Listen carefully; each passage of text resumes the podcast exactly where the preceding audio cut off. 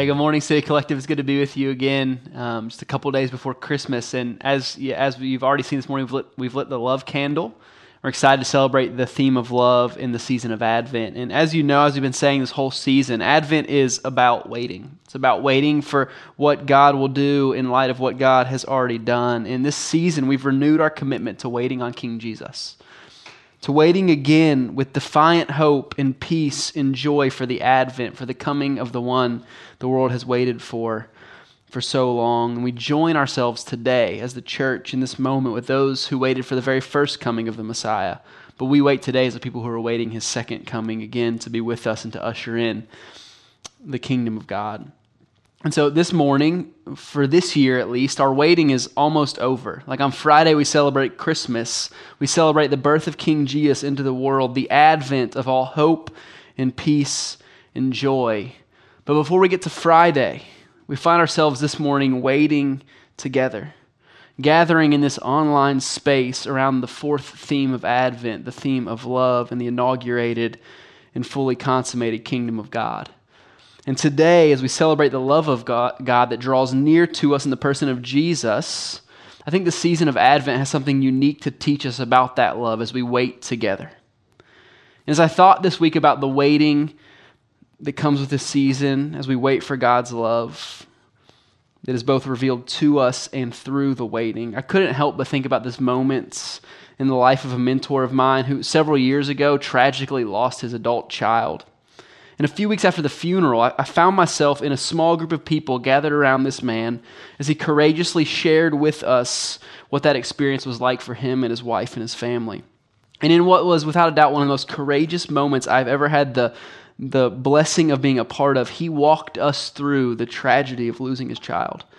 And one of the details that struck me most as he talked about all of the people who, who meaning well offered him words of consolation and hope and love. And of course they, they did so with good intentions right? Um, the reality is in a moment like that i think words are um, are sort of useless. There are no words. And so as he was telling us about that experience he told us of a friend of his who um, without saying anything else upon hearing what had happened and the tragedy that had occurred his friend immediately booked a cross country flight his friend rented a hotel room in the city in which my mentor found himself. And, and, and he sent him a text, and the text message read, Hey, I'm at this hotel, and I'm in this room, and I'll be here for the next three days. If you want someone to sit with you, this is where you can find me. I'll be here. And I think about that story for so many reasons, and I think about it often, but I think about it this week especially because I think this is the aspect, that is a picture of the, the love that we see that God extends toward us, and the season of Advent helps us see and helps us experience it and, and embrace it. This is the picture of love, I think, that is a rugged commitment to be with another in their dark night of the soul like in that worst moment of their life, in the, in the unconsolable pain this is the picture of the love of God that we get. In their most difficult moment, this is what love looks like. It is a love that doesn't run from the unpleasant. It is a love that doesn't run from the painful. It is a love that willingly walks into it on behalf of the beloved. This is a picture of love that is a risk, of love that is freely given. Love that is freely given enough to entertain the possibility that one might sit alone in a hotel room and return back to their own home having never gotten to be with the one that they love, the one that they want to show love to. It is love that is not coercive. It is love that is self sacrificing. It is love that positions itself to be with and for another without the expectation of reciprocity or even the presence of the other. And as he told us a story, he told us that as he knocked on the hotel room door a couple of days after getting the text, and as it was opened to him, he told us that he sank into his friend's arms.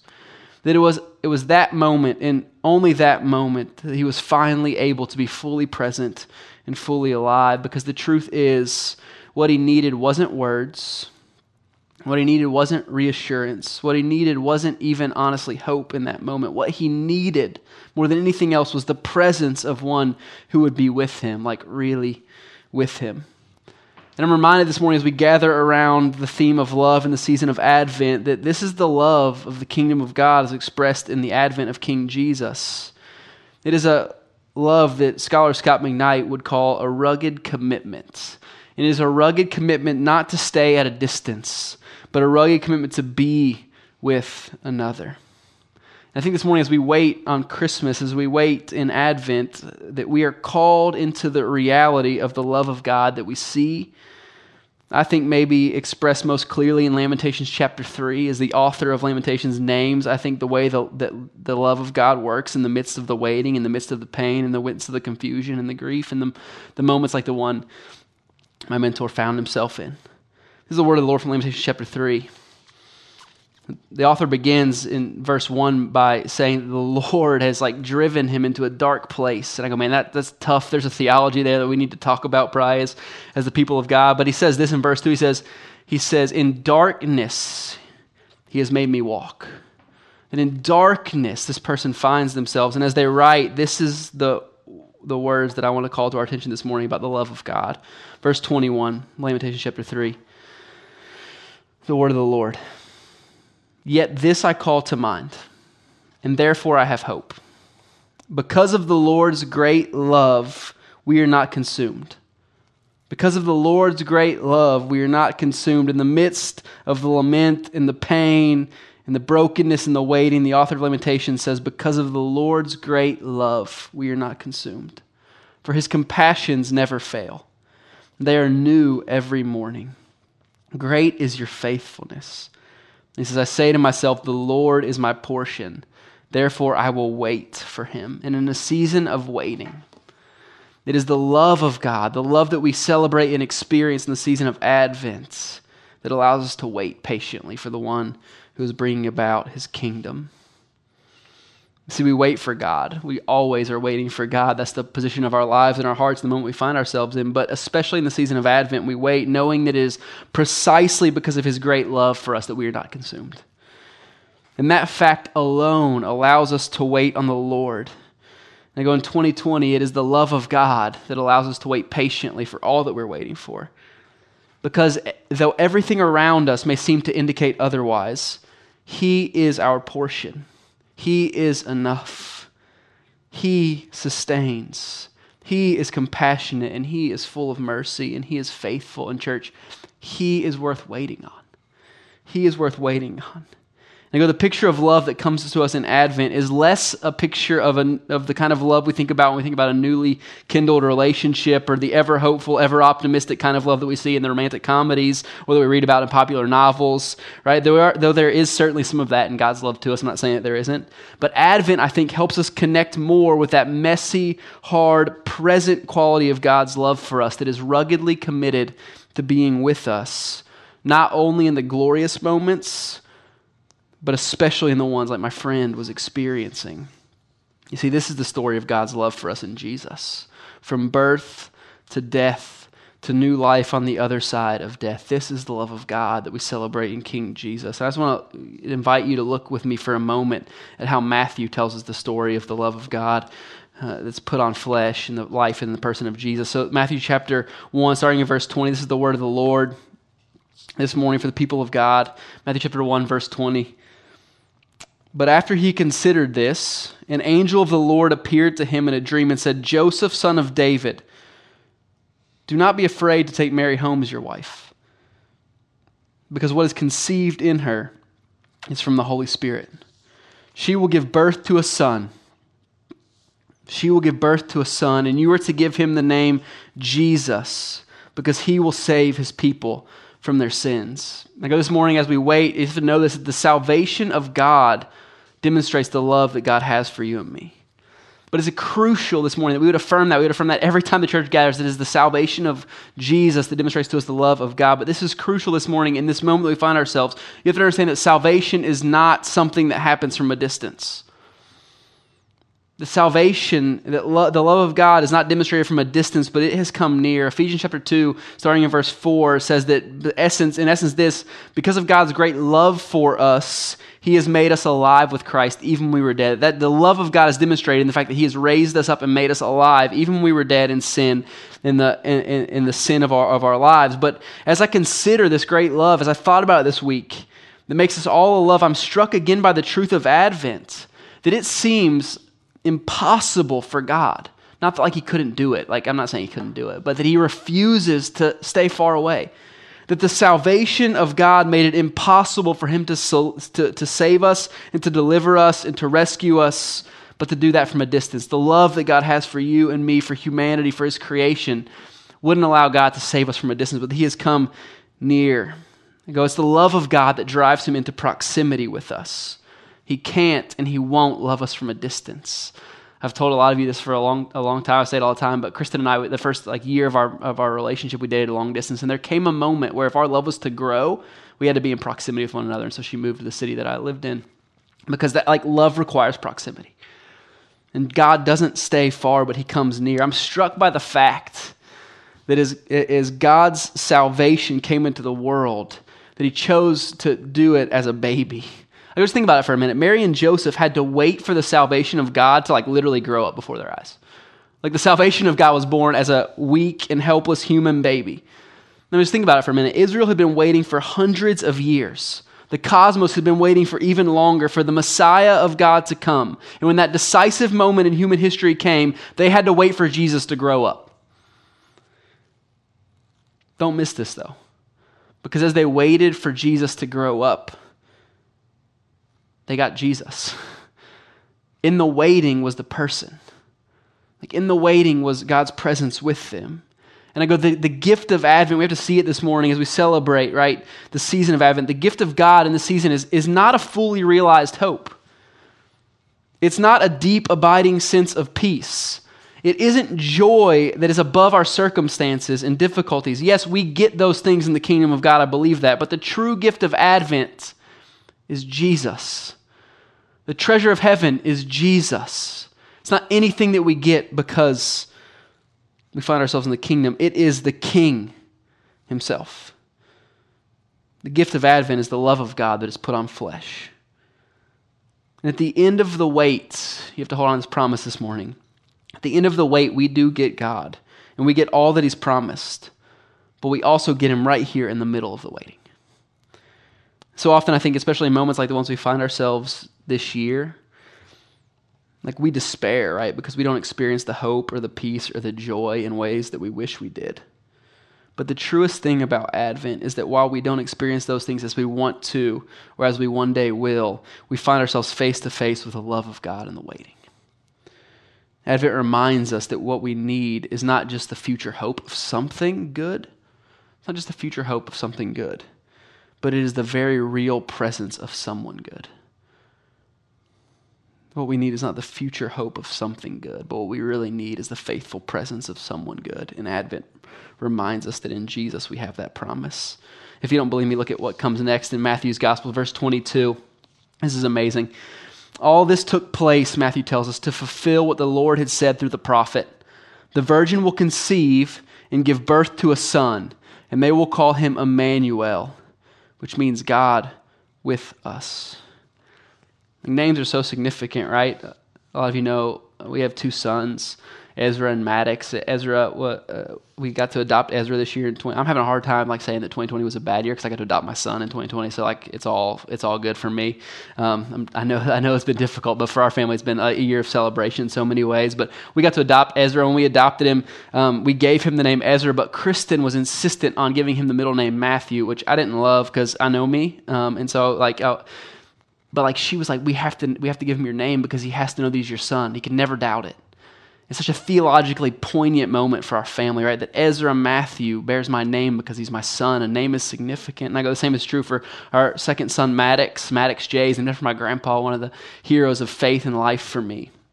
And I go, names are significant. They mean something. And God gives us the name of his son, Jesus. And I want you to see this morning that in the name of Jesus, we, we, we see that there is, there is no separating the salvation of God.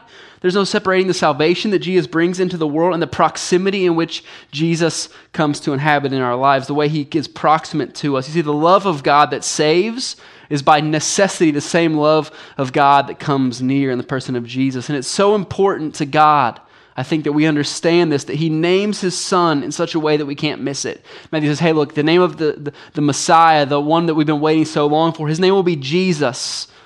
Now, his name will be Jesus, which means God rescues and God saves and God delivers. Is that idea, Jesus, the salvation of God. But then he says his name will also be Emmanuel, God with us, that God saves us by being with us. It's like so important to Matthew that he like makes sure we can't miss it, right? So he puts parentheses in the Bible, like uh, he says, "Hey, like it's like he's reaching through the pages of Scripture. He's like he's reaching through the the, the years of history, and he's saying, "Hey, pay attention here. Like, don't miss this. His name means God with us. Don't miss it." You see, the love of God, I think, in the season that we find ourselves in, and always, is good news because it promises that God will not only deliver us in the future, that God will not only deliver you from it, but that God will be present with you in it. And the reminder of Advent, of the waiting, is that ultimately we don't wait alone. There's something about withness, about knowing that someone is with you, like truly, authentically with you, that they're not going anywhere, is like really powerful. You see, Matthew's story of God's incarnate love, it begins with the promise of Jesus that God is with his people. But the story doesn't just leave that truth at Christmas. Look at how Matthew ends his Jesus story. So, Matthew chapter 28, starting in verse 16, this is the very last thing that Matthew records in the life of Jesus as he tells the biography of King Jesus. He says this in verse 16 Then the eleven disciples went to Galilee, to the mountain where Jesus had told them to go. This is Jesus on the other side of his death. He's resurrected. Verse 17, when they saw him, they worshiped him. The little baby had grown up and now he was the conquering Messiah. They saw him and they worshiped him, but some doubted. Maybe you this morning. like, I, I don't know. Just know there's place and space in the kingdom for that. Verse 18 Then Jesus came to them and he said, All authority in heaven and on earth has been given to me. Therefore, go and make disciples of all nations, baptizing them in the name of the Father and of the Son and of the Holy Spirit, and teaching them to obey everything I have commanded you. In essence, like, it's on. Like, go. The kingdom is here. Go, live, breathe the goodness of God over the world, over the people that you come in contact with. And then he says, the very last words of the Gospel of Matthew. And surely I am with you always to the very end of the age. Jesus says, Surely I am with you always to the very end of the age. It's a promise of presence. Some of the very first words that Matthew writes in his Gospels, he tells the story of the one the world had waited so long for, are that in Jesus, the promise of God's love is a promise of presence. But then the very last words on the lips of Jesus, the other things happened. Like we, there are other gospel accounts. We know other things happened, for, but for Matthew, it was enough to say, here's how we begin with the promise of presence, and here's how we're going to end with the promise of presence. As Matthew leaves us waiting in the meantime for all that God will do, as he leaves us waiting not for the first coming of Jesus now, but for the second coming of Jesus again in his kingdom. We have to understand that the second advent of Jesus is again a promise of presence. You see, I think Matthew knew that for us to walk the path, for us to experience the hope and the peace and the joy of God's coming kingdom, we had to do so from a place of rooted security, knowing that because of God's great love for us, that He is with us, that He will never leave us, that He will never forsake us, that He will never abandon us, that in the waiting He is present to us. That He is always with us till the very end of the age, till the kingdom comes in its fullness. God is with His people. In the dawn of the age that is to come, he will be with us again. It's an age in which we will wait no longer, right? We will wait no longer. There will be no more season of Advent in the coming full kingdom, of, in the fullness of the coming kingdom of God. In that kingdom, we will wait no longer for every tear to be dried. We will na- wait no longer for God to make his home among us. But the promise of Advent and the promise of God's love is that he will always be and has always been right here with us, that he has always been Emmanuel, God with us. That even in the waiting, especially in the waiting, he is with us. And so as you wait this week, as we wait for the next five days until we can celebrate Christmas together and the birth of Jesus, may we do so as a people postured toward waiting with hope and joy and peace and love because of the promise of Emmanuel, God with us.